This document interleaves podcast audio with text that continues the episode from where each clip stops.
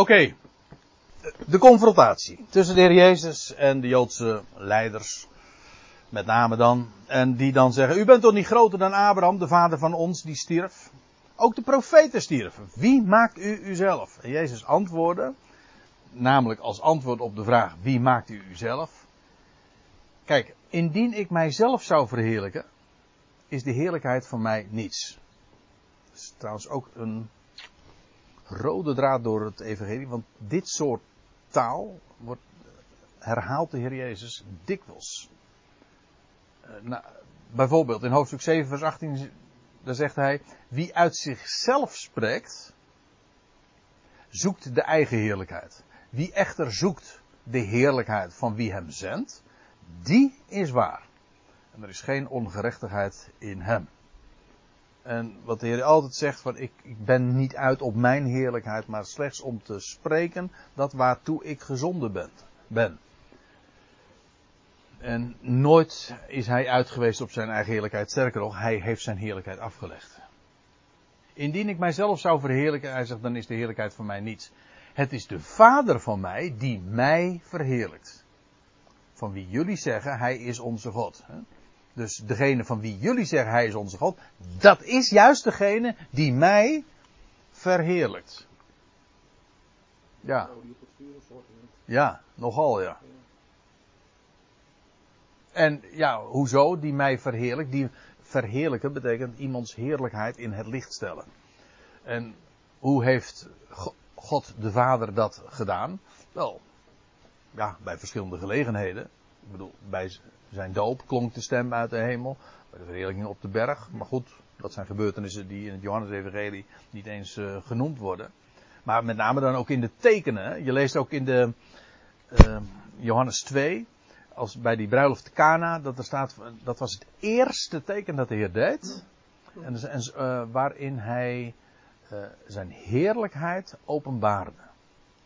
Dus in die tekenen werd de heerlijkheid die God door hem deed, kwam zijn heerlijkheid aan het licht. Het is de Vader die mij verheerlijkt, van wie jullie zeggen hij is onze God. En jullie hebben hem, die, uh, dat is dus, uh, dat is hij, dat is de Heer zelf. En jullie hebben hem niet erkend, en niet gekend, maar ik, nee wacht even, nou ben ik in de war. Dat hem is natuurlijk hier God. En jullie hebben hem, namelijk onze God, niet gekend, maar ik heb hem waargenomen. Ik heb hem, ik ken hem, maar dat is letterlijk staat er, ik, ik, ik weet van hem. Dat Griekse woordje wat hier gebruikt wordt, meestal wordt het vertaald met weten, maar dat klopt wel, maar het is uh, weten op basis, dat is, op basis van waarneming. Want het, het eigenlijke woord betekent waarnemen. Ongeacht welk zintuig. Want je kunt waarnemen door middel van je neus, door middel van je ogen, van je oren. Uh, dat is allemaal waarneming. Maar de Heer, en als je iets weet, dan, dan dit specifieke woord wat gebruikt wordt, dat duidt op weten op grond van dat wat je zelf hebt waargenomen. Ja, zien is beperkt. Dat is dus visueel waarnemen. Maar goed, je kunt op allerlei andere manieren waarnemen kunt ook iets voelen. Hè? Met je tas, handen tassen is ook een waarneming. Dan neem je het voor waar. Hè? Want je hebt het waargenomen. Mooi, eh, eigenlijk leuke woorden in het Nederlands ook. Maar goed, jullie hebben hem niet gekend. Ik heb, maar uh, ik heb. Kijk, even een voorbeeld van hoe zo'n interlineair dan werkt. En dan staat er, en jullie, en jullie hebben hem gekend. Uh, jullie hebben hem niet gekend, sorry. Maar ik echter heb hem waargenomen. Hier worden twee verschillende Griekse woorden gebruikt. Maar als je in de Nederlandse vertaling, de MBG-vertaling kijkt, wordt er twee keer kennen gebruikt. Is dit nou een doodzonde? Is dit nou zo uh, spectaculair? Dat zeg ik niet. Ik wil alleen maar zeggen, als je de, de, de, de nuance, de feit, gewoon precies wil weten wat er staat, dan is het toch wel mooi als je zo'n interlineair hebt die één op één de dingen weergeeft. En dan nemen we gewoon de, dat, het maar voor lief dat het soms wat stijfjes klinkt. Maar dan weet je in ieder geval wel waar het over gaat. Jullie hebben hem niet gekend. Maar ik heb hem waargenomen. Letterlijk ook, want de Heer Jezus heeft zijn stem ook uh, vernomen. Onder andere bij de doop in de Jordaan. En indien ik zou zeggen dat ik hem niet heb waargenomen, het is hier ook weer een precies om. Als ik zou zeggen dat ik hem niet heb waargenomen, dan zou ik lijken op jullie. Dat was een leugenaar zou ik zijn. Zij zeggen dat ze hem hebben waargenomen, maar daarmee liegen ze. Zegt, maar als zou ik zeggen dat ik hem niet heb waargenomen, dan zou ik net als jullie zijn, namelijk een leugenaar. heb je hem nog? Ja, je voelt wel, uh, dat is geen plezierig gesprek, hè? Ja, dat nogal, ja. Maar ja, hier wordt wel uh, de waarheid gesproken, hoor. En uh, niet zachtzinnig. In die, maar, zegt de Heer Jezus, ik heb hem waargenomen.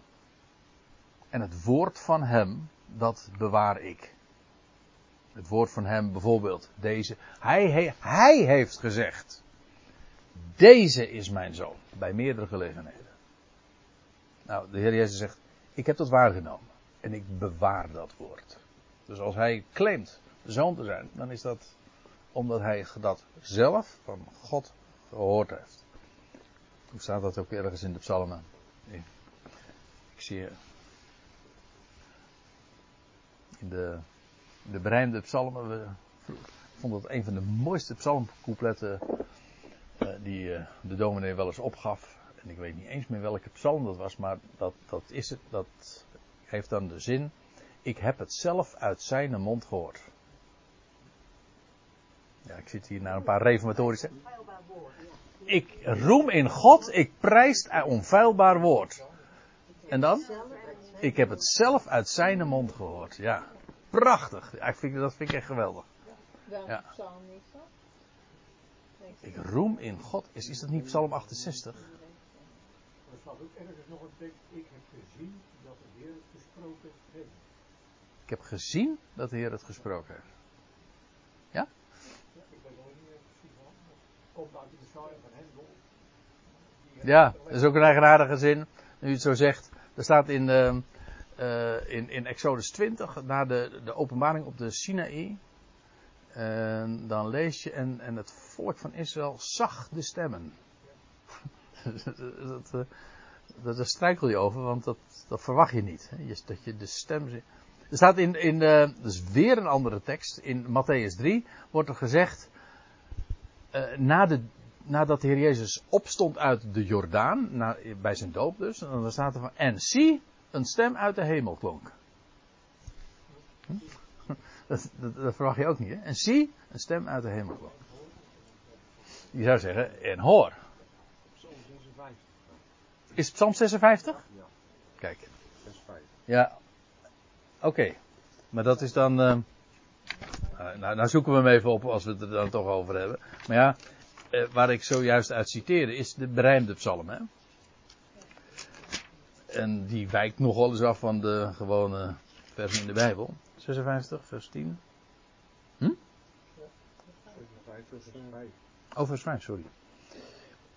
Ten dagen dat ik vrees, vertrouw ik op u. God wiens woord ik prijs. Op God vertrouw ik, ik vrees niet. Wat zou vlees mij aandoen? Ja, zo is het ook een prachtig zin. Maar ik vond het altijd zo, het, uh, zo mooi van, ik, ik roem in God, ik prijs het onfeilbaar woord en dan, ik heb het zelf uit zijn mond gehoord. Dat wil zeggen, ik ben er met geen zeven paarden van af te brengen. Ja, maar ik ben ook bevindelijk groot geworden. Zo heb ik dat bevonden. Oké, uh, terug naar Johannes 8. Wat een uitstapje zal, zo, in het begin van het seizoen. Maar ik, ik, zegt de Heer Jezus, heb hem waargenomen. En het woord van hem, dat bewaar ik. De plek waar het hoort, namelijk in het hart uiteraard. En nou zegt hij. Ja, nou wordt het uh, nog weer spannend. Abraham, de naam kwam al een paar keer eerder te sprake, op wie zij zich dan zo altijd beroemde. Abraham, de vader van jullie, jubelde ja. We lezen later uh, in, in deze, uh, deze, dit vers. Hij verheugde zich. Abraham, laat ik eerst even verder lezen. Abraham, de vader van jullie, die jubelde. Waarom? Omdat, opdat hij zou waarnemen de dag van mij. En nou moet ik eventjes lezen hoe het in de NBG ook alweer staat.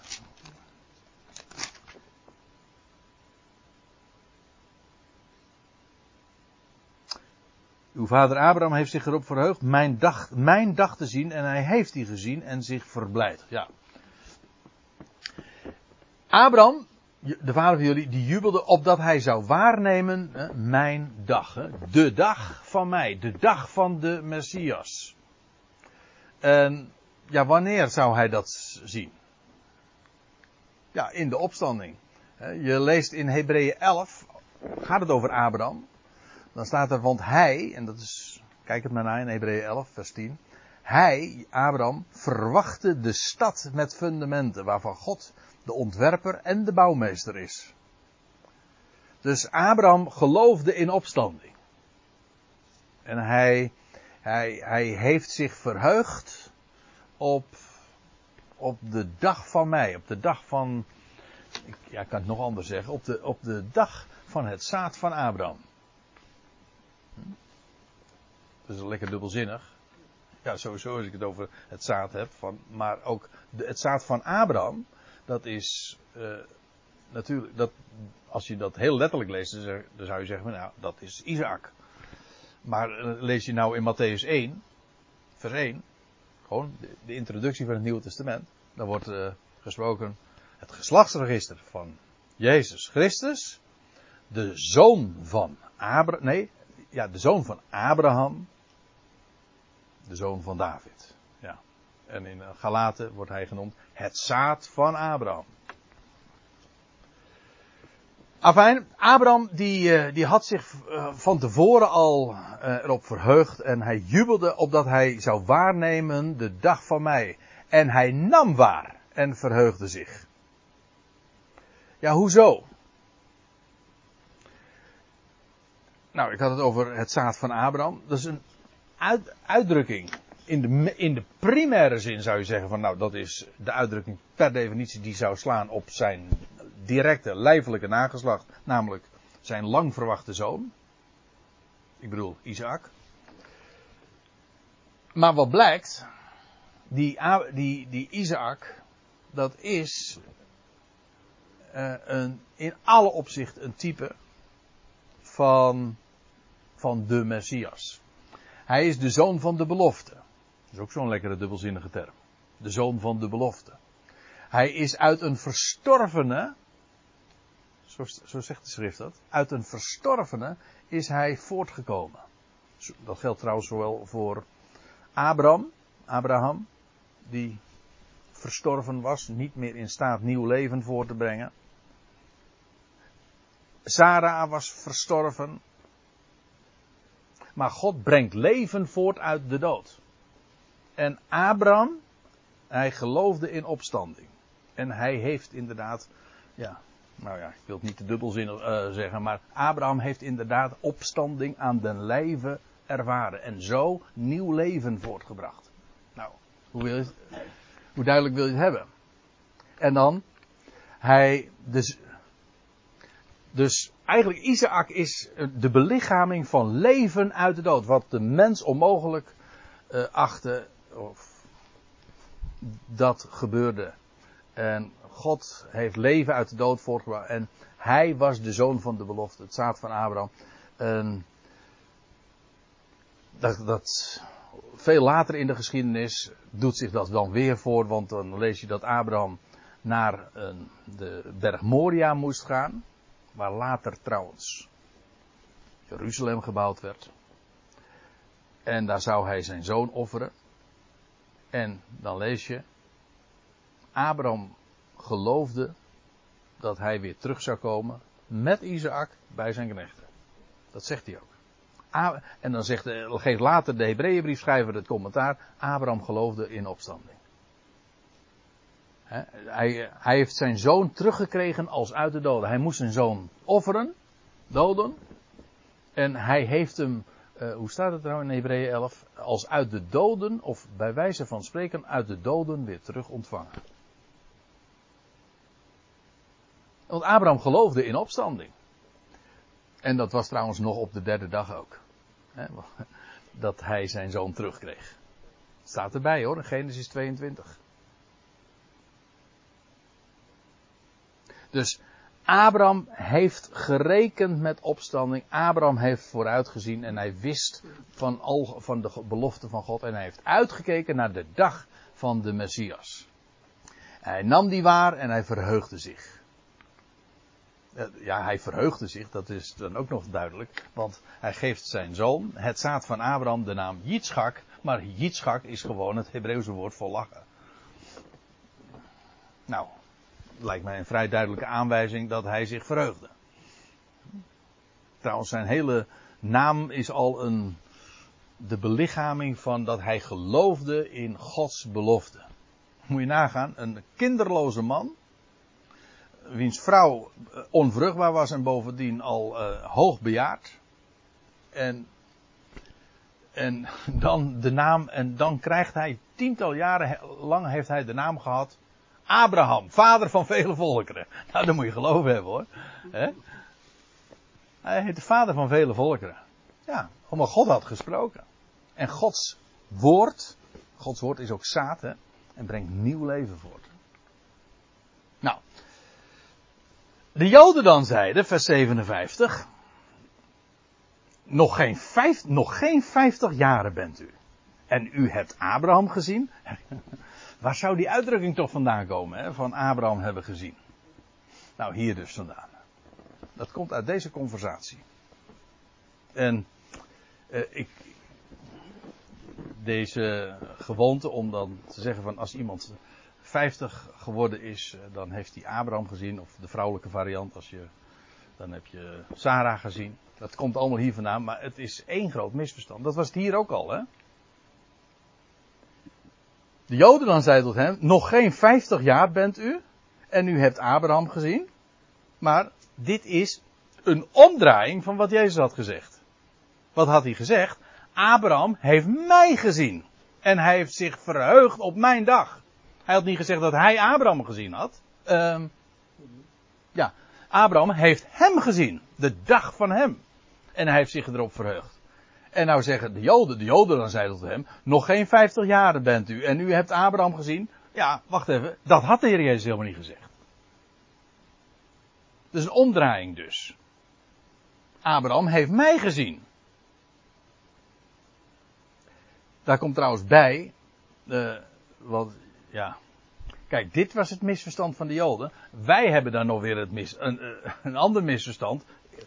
Getuigen het gebruik van uh, de, de, groot, de Abraham-pop die je dan in de tuin zet als iemand 50 jaar geworden bent. Wij hebben dan weer het misverstand daar weer op gebaseerd. Dus het is echt misverstand op misverstand. Want de Joden bedoelden helemaal niet te zeggen van dat als Jezus nou wel 50 was geweest, dat hij dus dan wel Abraham zou hebben gezien. Dat bedoelde ze helemaal niet te zeggen. Hij bedoelde, ze bedoelde gewoon te zeggen van, jij hebt Abraham gezien, maar je bent nog niet eens 50 jaar. Hè? Dus, uh, kijk, toen de Heer Jezus dit, dit gesprek voerde, was het 2000 jaar eerder, dus dezelfde tijd die zeg maar tussen ons en de Heer Jezus ligt. Dat is ook dezelfde tijd die tussen de Heer Jezus en Abraham lag. 2000 jaar. Vrij precies zelfs. Dat is dus 40 keer 50 jaar. 40 jubeljaren trouwens. Dus 40 termijnen van uh, 7, 7 kwadraat plus 1. Kijk, en dat is uh, wat, ze, wat ze zeggen van, je bent ben nog niet eens 50 jaar. En Abraham gezien, dat kan toch helemaal niet. Nou, zie je hoe je een mis wat zij zeiden, dat was al een misverstand, want de Heer Jezus had helemaal niet gezegd van dat hij Abraham gezien had. En vervolgens hebben wij uit deze tekst afgeleid dat als, de Heer, als je 50 jaar bent, dat je dan Abraham hebt gezien. Maar dat, dat beweerden zij weer niet. Zoek het maar uit. Nou, ik denk dat de, de keuze van die 50 vrij eh, willekeurig is. Zo van, hè? Nou ja, uh, als, als je, hoe, hoe kan je, je bent nog niet eens 50 jaar. Uh, hoe, hoe kan je Abraham gezien hebben? Dan moet je 2000 jaar oud zijn. Ja. ja. Zo. Kijk, uh, als je het er nou over hebt, uh, wat, de, wat, de betekenis van 50 jaar is. Nou, dat is een Bijbelstudie apart hoor. Dat is, daar is er heel veel over te vertellen. Maar daar hebben die Joden het helemaal niet over. Die gebruiken het hier in dit geval van u bent nog geen 50 jaar, maar die. Dus, dus... Ja, hoe ben je nou? Ja, wat, wat verbeeld je je? Zo. Dus, ja, je, je, ziet de verbazing in hun ogen, maar ze luisteren niet goed. Ze wilden niet goed luisteren, maar dat zagen we al eerder. En hier zie je echt, ze luisteren niet goed, want dat, ze zeggen iets wat de Heer Jezus niet gezegd heeft. Dat is een uh, kunst apart hoor, om goed te luisteren. En zeker, ja, en als je dan als je onwillig bent, dan, dan, dan hoor je dingen die er niet gezegd worden. Hoe, hoe is de uitdrukking? Het is slecht hazen vangen met onwillige honden. Zo is die toch? Het is... Oh, nou ja, in ieder geval, het, het, komt erop neer. Als je, ja, als je te maken hebt met onwillig materiaal dat gewoon niet wil, ja, nou dan lukt niks.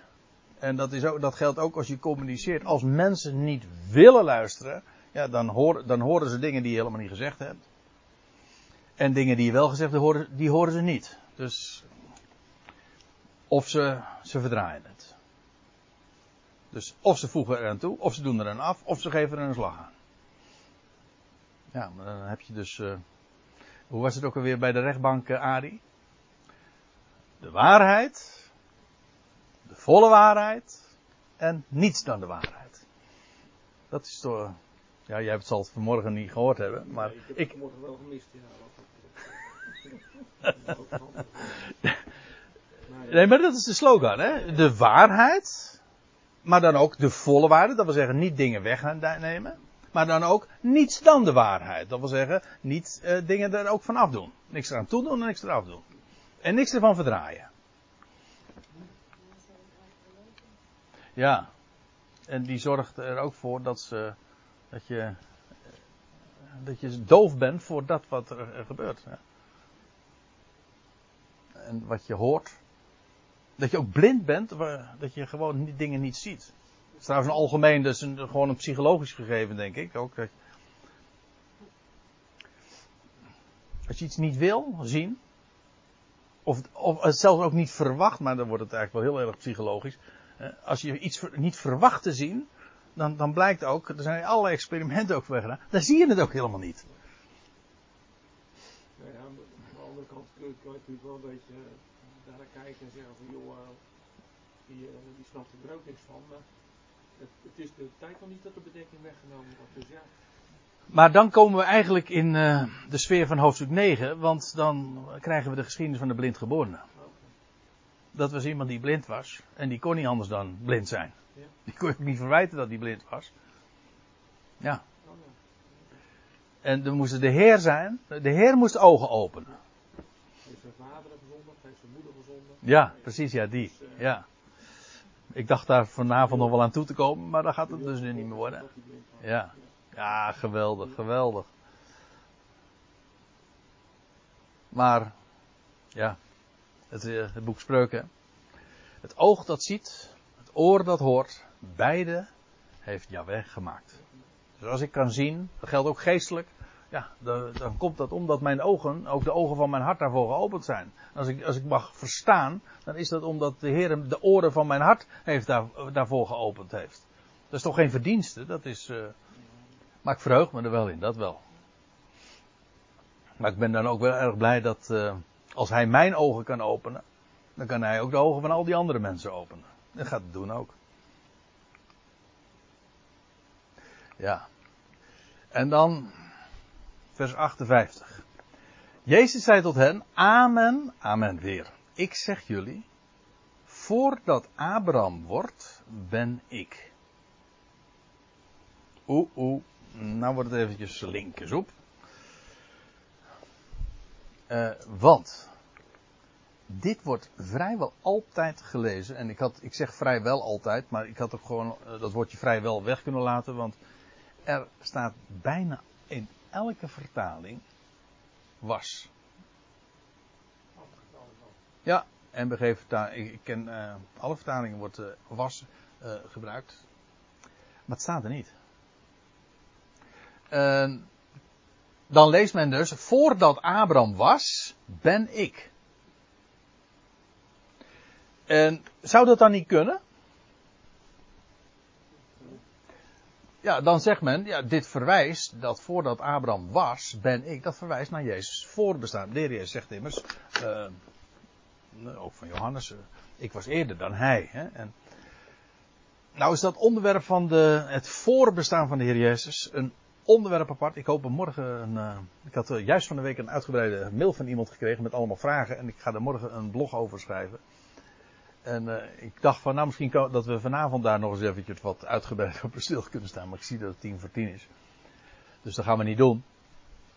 Kijk, in de, één ding is, mag ik misschien wel even doen. Ik heb daar natuurlijk al verschillende keren wat ook over gezegd. En dan wordt er, wat er nu dan wel eens een keertje verteld wordt van ja, André Piet, die gelooft niet dat, uh, dat er een voorbestaan was van de Heer Jezus dat hij hier op aarde geboren werd en dat daarvoor was, was hij er niet. Precies. Wat ik zeg is, hij werd toen de zoon. Voor zijn geboorte was hij het woord. Dat is zoals Johannes het ook naar voren brengt. In de beginnen was het woord en alle dingen zijn door het woord geworden. God sprak en het was er en dat woord werd, duizenden jaren later, vlees. Het woord kwam tot Maria en en zij werd zwanger en de geest van de Allerhoogste overschaduwde en het woord werd vlees. Wat was hij voor zijn geboorte? Woord, logos. Dus je kunt niet zeggen, hij was voor zijn geboorte de zoon al. Ik weet, het wordt al, alom uh, gezegd, maar ik kan dat niet in de schrift terugvinden. Maar nou even iets anders, want dat onderwerp van het voorbestaan van de Heer Jezus, ik denk dat het hier niet eens aan de orde is. Het er staat niet voordat Abraham was, maar er staat voordat Abraham wordt. Het staat echt wordt hoor. Er staat onvoltooid tegenwoordige tijd. Om het eventjes in grammaticale termen te zeggen. En dan niet het, het werkwoord zijn, maar het werkwoord worden. Onmiskenbaar.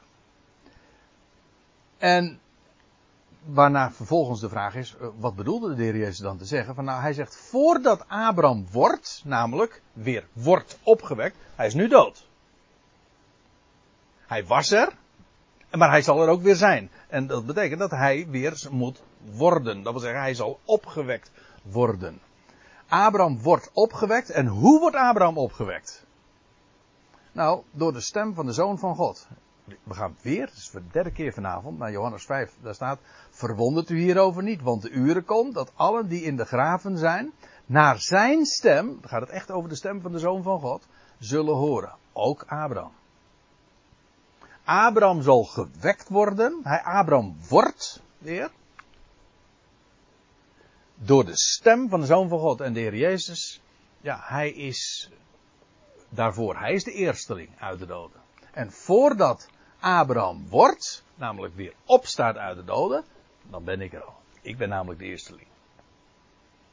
Dus, uh, ja, dat hele, dat onderwerp van het voorbestaan van de Heer Jezus, dat hij het woord was en alles wat daarmee verband houdt, dat is hier denk ik niet, dat is totaal niet eens aan de orde. Het gaat hier niet over Abrahams bestaan in het verleden, 4000 jaar geleden, maar over Abrahams opstanding als hij weer zal worden. Wel, voordat Abraham wordt, is de Heer Jezus al, want hij zal namelijk opstaan, juist door de stem van de Zoon van God.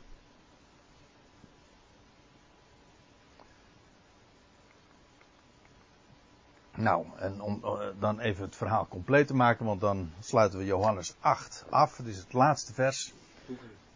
Hè? Ja. ja, toegift. Zij pakte dan stenen op. uh, zij pakte dan stenen op. Ja. Dat lees je later in hoofdstuk 10, vers 31 weer. Zijn namen wederom steen op. Uh, er waren al verschillende keren trouwens aanslagen op hem gepleegd. Of in ieder geval dat er een poging gedaan werd. En dan lees je iedere keer, maar de Heer ontkwam aan zijn handen, want het was zijn tijd nog niet. Nee, de tijd, de tijd was namelijk al van tevoren bepaald. Hij zou sterven op de dag dat het paascha geslacht zo, uh, werd. Die dag was al gemarkeerd, de 14e Nisan. Het was in tijd nog niet. Dus dan kunnen zij wel stenen oppakken, maar dat. Uh... Trouwens, hij werd niet gestenigd ook. Zij pakten dan stenen op om op hem te werpen. En dan staat er. Jezus echter werd verborgen. Er staat niet. Hij verborg zich. Actief. Nee, hij werd verborgen. Staat echt in een passieve vorm. Hij werd verborgen. En hij kwam vanuit de tempel. En we hadden het aan het begin van de avond, en nou ja, de slang bijt weer in zijn staart, hè, zoals dat heet. We zijn weer terug bij af. Over de, de, de stijl die Johannes kiest en de manier waarop hij dingen zegt. Die zijn zo illustratief, ook voor de waarheden die hij inmiddels kende. En, want wat, wat hier in dit vers beschreven wordt, is eigenlijk een type van Christus tegenwoordige positie. Verworpen door zijn volk. Verborgen voor de wereld. En geen deel uitmaken van Jeruzalem. Geen deel uitmaken van de tempel. Hij is, om het in de termen van de Hebreeënbrief te zeggen, hij is buiten de legerplaats verworpen en verborgen bij God. Feitelijk beschrijft dit vers wie de Heer Jezus vandaag is. En als Johannes dit Weer eventjes die twee transparante dia's. Aan de ene kant heb je die dia van zijn positie nu. Verworpen door het volk. Verborgen voor de wereld. Daar in de hemel. Buiten de legerplaats. Ja. En dan vervolgens met dat in gedachten. Uh, kijkt hij naar de geschiedenis. Zoals hier dan verhaald. En die twee, ja, dat valt zo samen. En dan krijg je, het is feitelijk ook heel dubbelzinnig dan ook. Het heeft een, een dubbele bodem.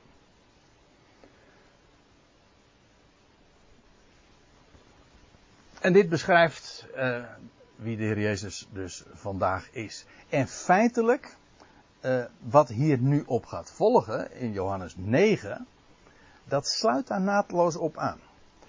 Want vervolgens staat er en voorbijgaande, passerende, terwijl hij passeerde, zag hij een, blind, een man van, vanaf zijn geboorte blind. Enzovoorts. Maar, dat is Johannes 9. En ik stel voor dat we dat bewaren voor de volgende keer.